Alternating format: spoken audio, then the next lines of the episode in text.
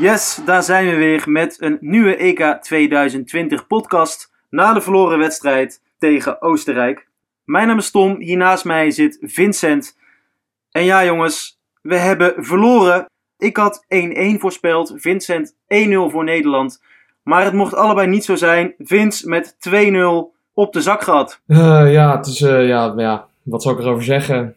Ik weet niet wat we aan het doen waren als Nederland zijnde. Ik herkende niemand. Ik herkende het Nederlands elftal gewoon niet. Stroef, ja, weinig kansen. Ja, het liep gewoon weer niet op de een of andere manier. Het was wederom 5-3-2 met Marco Bizot onder de lat. Het driemanscentrum met Stefan de Vrij in het midden. Links van hem Virgil van Dijk en rechts Matthijs de Licht. Rechtsback Denzel Dumfries en linksback Wijndal. Het middenveld met drie man. Gini Wijnaldum, Donny van der Beek en Frenkie de Jong. En de tweemans aanval Luc de Jong en Bergwijn. Helemaal correct. Ja, laten we gewoon eh, beginnen bij de eerste helft. Wat denk jij, waar ging het mis bij het Nederlands elftal? Uh, eigenlijk tot die uh, 44e minuut, dus tot die penalty van Mark Janko. Er was niet zoveel aan de hand. Ik vond dat wij niet zoveel creëerden. Oostenrijk creëerde ook niet veel. Het was een beetje een schaakspel. Niemand die durfde echt. Ik moet de statistieken erbij pakken, maar ik denk dat we twee keer een schot op doel hebben gehad in de eerste helft. Oostenrijk die kwam er nog twee keer uit. Ik denk ook twee schoten op goal. Kopbal van Janko, die tikte Bizot knap uit de kruising. Had je nog dat afstandsschot van wie anders dan Alaba. Vloog net, net over. Dat waren de enige twee speldenprikken van Oostenrijk in de eerste helft. Dat was ook ongeveer wat wij hebben gedaan. Twee keer op doel geschoten. Luc de Jong met een kopbal en Donny van der Beek die... Uh een mooi schot, maar ja, net over ook. Neem onze luisteraars eventjes mee naar het moment dat die 1-0 valt. Een penalty van uh, Janko die hem scoort. Hensbal van Dumfries. Ik had het zelf niet gezien, maar blijkbaar had de VAR het wel gezien. Het was een uh, vreemd moment, ja. De corner van uh, Alaba. Heel veel man de lucht in. Die bal die bleef daar een beetje, een beetje hangen. Dumfries die knalde die bal weg. Protesteerde ook niemand. En toen opeens het fluitje. En naar de VAR. Ja, en dat, en dat VAR-moment, moet ik eerlijk zeggen, dat duurde ook nog wel lang. Het was wel de hele tijd, er was heel veel discussie om het feit, is het nou een penalty ja of nee? En uiteindelijk gaf de scheids hem wel. Het kwam wel een beetje letterlijk en figuurlijk uit de lucht vallen. Maar ik heb toch altijd een beetje moeite hoor met die VAR. Niemand die zag het, lekker gewoon doorvoetballen en dan toch weer opeens een penalty. Mark Janko, en die schiet hem wel echt, echt snoeihard binnen. Die schoot hem even in de haak, hè? Stijf links in de kruising. Die had geen enkele keeper gepakt. Nou ja, Silas ook niet, maar dat weten we allemaal.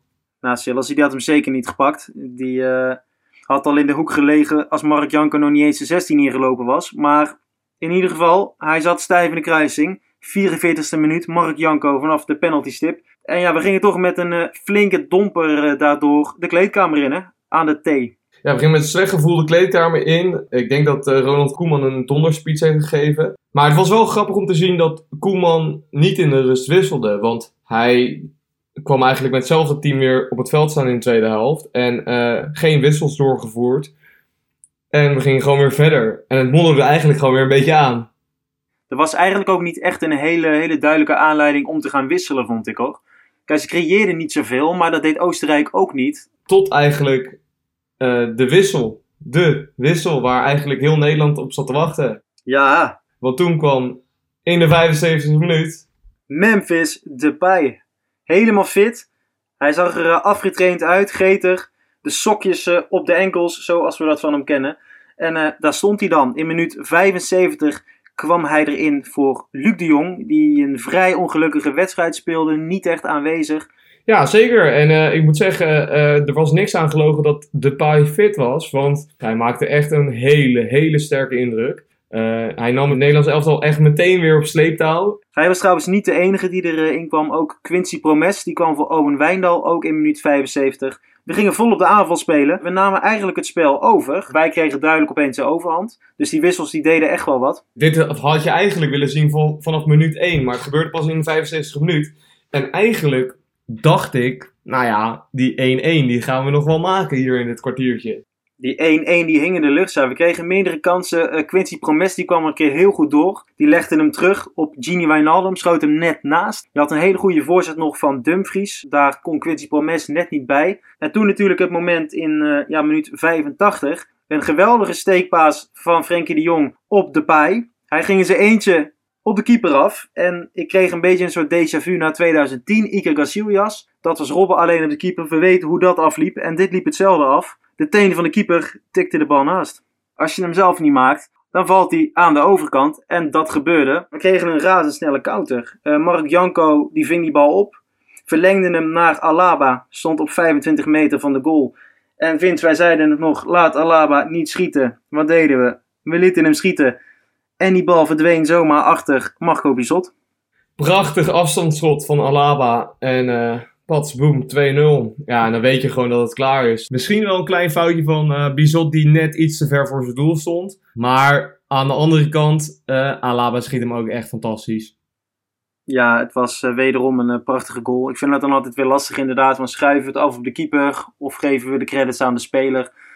Ik denk met name dat de credits naar Alaba moeten. 2-0, minuut 86. Klaar met de pret. Daarna probeerden we nog wel wat natuurlijk. Maar het bleef uit. Oostenrijk die hield het goed dicht. Speelde het zakelijk uit.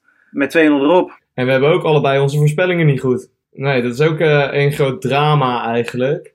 Maar eigenlijk toch wel de man die er bovenuit stak, uh, Memphis Depay. Die hebben natuurlijk eventjes uh, om uh, commentaar gevraagd. Dus laten we daar even naar luisteren. In de eerste helft dacht ik van het zit er niet in. Ik zag dat het veld ook moeilijk bespeelbaar was. Het veld was heel zwaar, hobbels. Um, dan kom je misschien een paar keer wel er doorheen. Um, alleen ja, dan, dan, dan, dan kan je misschien de neiging hebben dat het niet niet gauw gaat lukken. Maar zo zitten wij er niet in. Uh, ik denk uh, blijven geloven in elkaar, uh, geduld houden en ja. ja, wat ik zeg, blijven geloven in elkaar.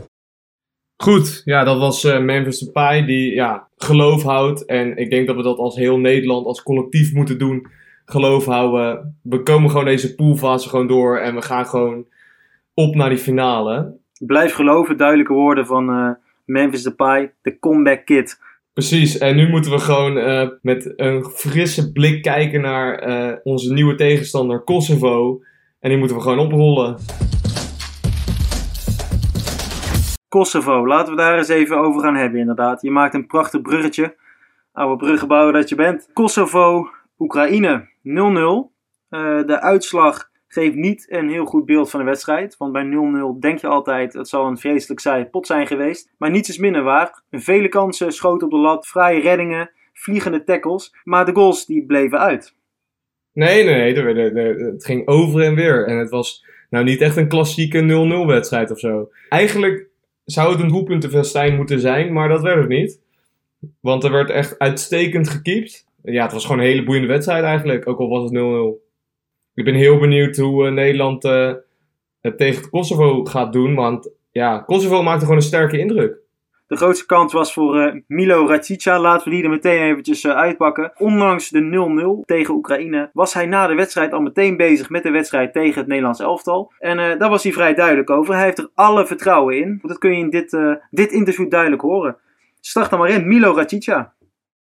Do më thonë, deri minutën në 10, çdo njëri prej neve ka vrapu jashtëzakonisht shumë, jena mundu me gjithë gjithçka që kemi pas me me me me jep në fushë dhe mendimin e tyre besoj që e kemi arritur atë fitore shumë të rëndësishme. Ja, dit was hem dan. Milo Racica. Zoals je hoort, hij heeft er alle vertrouwen in. Uh, nou zeg ik wel zoals je hoort, maar wij hebben hier natuurlijk geen ene reet van verstaan. In Kosovo, daar spreken ze voornamelijk Albanees. En in sommige gemeenten ook nog Servisch, Bosnisch en Turks. Leer je ook nog eens wat in deze podcast. Maar wij hebben gelukkig Vincent hier in ons midden. En laat Vincent nou net een thuiscursus Albanees, Servisch, Bosnisch en Turks gedaan hebben op een blauwe maandag. Dus die kan het hele interview van Racica Haag fijn voor jou vertalen. Vince, bas los. Niet helemaal 100%, want ja, die jongen die uh, spreekt natuurlijk het allemaal vloeiend. En bij mij is het toch uh, huis, tuin en keuken Albanees, Servisch, Bosnisch en Turks. De hoofdlijnen kan ik er natuurlijk uitpikken. En uh, ja, het is geen misselijke taal, uh, moet je zeggen. Want Richicha die zegt gewoon, uh, ja, ik ga Nederland opvreten. Ik ga jullie helemaal kapot spelen. En vooral de Pai, die nog geblesseerd is en hij gelooft helemaal niet dat hij fit is. Die ga ik een poepie laten ruiken. En die ga ik huilend het veld af laten gaan. Dat is ongeveer wat hij zegt. Ja, of ik hier nou echt heel erg bang van word, Weet ik ook niet, maar het is wel duidelijke taal. Nou, dat zijn, uh, dat zijn duidelijke woorden van Milo Racica. Ik zou denken bij mezelf, ja, Kosovo. Die hebben echt nog nooit volgens mij op een EK gestaan. Eh, wij, wij als het grote Nederland, ook al zijn we heel klein in Europa, moeten toch gewoon kunnen winnen van, eh, van Kosovo. Wie, wie, wie van Kosovo moet er nou indruk maken dan tegen Nederland? Eh, nog iets eh, anders opvallend. En eh, wat ook wel misschien wel zonde is voor het toernooi. Cristiano Ronaldo, die schijnt geblesseerd geraakt te zijn op de training. En dat is wel ja, zuur voor Portugal, aangezien ze de aankomende wedstrijd tegen Duitsland spelen. Ja, het blijft een beetje een vreemd verhaal hoe die nou precies geblesseerd is geraakt. Want er is inderdaad vandaag naar buiten gekomen op de training een blessure opgelopen. Er staat niet echt duidelijk bij ja, wat dat dan is en hoe lang het duurt. Ja, je ziet dat vaker nu natuurlijk tegenwoordig, hè, dat ze dan de blessure een beetje, een beetje geheim houden. Als een soort privacy-wetgeving voor de speler. Maar ik vond dit wel een erg vaag verhaal. Er stond iets bij in een rondo. En, maar ja, het is allemaal een beetje wazig. Aan de andere kant, misschien is het een beetje zand gooien naar Duitsland. En dat hij er uiteindelijk toch staat. Of hij heeft echt iets. Maar ik denk dat er wat andere dingen spelen. Ehm, maar ik verwacht eigenlijk gewoon dat hij eh, zeker wel aan de start verschijnt. Portugal-Duitsland. Ja, dat denk ik ook wel. Wordt een interessante pot, denk ik. Ja, Duitsland natuurlijk ook een, eh, een prima team. Hè. Een vrij ervaren team natuurlijk. Met mannen als Neuer, Boateng, eh Müller, Kimmich. En aan de zijkanten natuurlijk gasten zoals eh, Gnabry, Sané. ehm, Timo Werner natuurlijk nog. Ik denk dat Duitsland hem toch pakt met eh 2-1 of zo. Geef jij eh, Duitsland überhaupt een kans om het eh, EK te winnen ook? Ja, jawel. Je moet die Duitsers nooit onderschatten. nee, precies. Ja, dat hebben we vaker gedaan en eh, ja, dat is verkeerd uitgepakt. Dus nee, je moet er zeker niet onderschatten en ik geef ze zeker een kans. Het blijft toch altijd een grootmacht, hè? Ja, precies. En tot de laatste minuut, hè, je weet het bij Duitsland. Die blijven strijden tot het bittere eind. En eh, Portugal, wat denk je daarvan? Maken, maken die nog kans op eh, een finale plekje? Nou ja, de regerend eh, Europees kampioen, dus ja, mag je ook niet onderschatten. Het zal ook mede afhankelijk zijn of Cristiano Ronaldo fit blijft natuurlijk. Een belangrijke man. Ja, en natuurlijk die pool van Duitsland en Portugal. Sowieso een hele, hele sterke pool. Ik denk de sterkste van het hele EK. Met IJsland en Frankrijk er nog bij. Sowieso een interessante pool. Ja, Frankrijk maakt natuurlijk ook nog heel veel kans. Ja, en natuurlijk IJsland, hè, sluit die gasten er niet, eh, niet uit. We hebben het eh, een paar jaar terug gezien. De underdog met eh, de hele selectie wiens achternaam eindigt op Son. Geen enkele uitzondering. Maar om eventjes terug te komen naar de volgende wedstrijd voor Nederland. Kosovo-Nederland. Ja, Racica die zegt natuurlijk dat, we, dat ze ons gaan afslachten. Maar wat denk jij Tom? Hoeveel gaat het worden? Ik vond de praatjes van uh, Rachicha nog wel groot. Dus ik ga ook voor een lekkere grote uitslag. Ik ga gewoon lekker voor 3-0. Wij eh, rollen dat Kosovo op. Ik denk gewoon dat we 2-0 winnen. Eh, maar we kunnen altijd nog eventjes vragen wat Papel ervan denkt.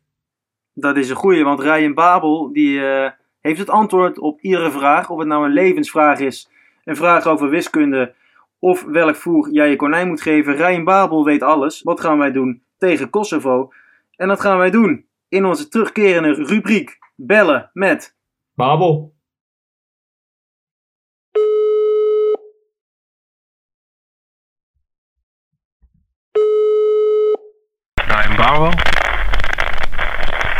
Eh, Quiet Ryan, line eh, test. hallo, hoor jij mij met de EK 2020 podcast? Quiet line test. Ryan?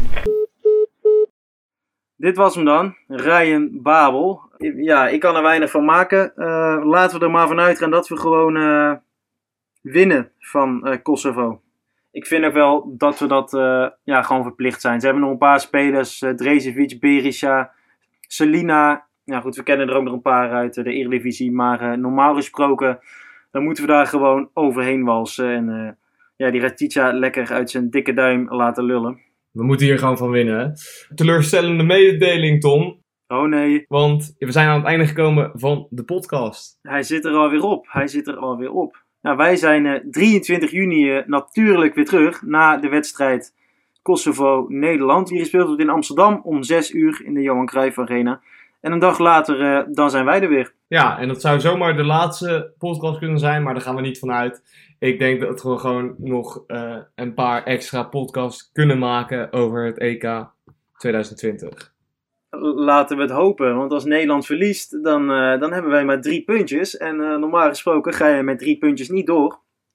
Nee, dan zou je of de beste nummer drie moeten zijn, maar ik ga er niet van uit dat wij dat zijn dan.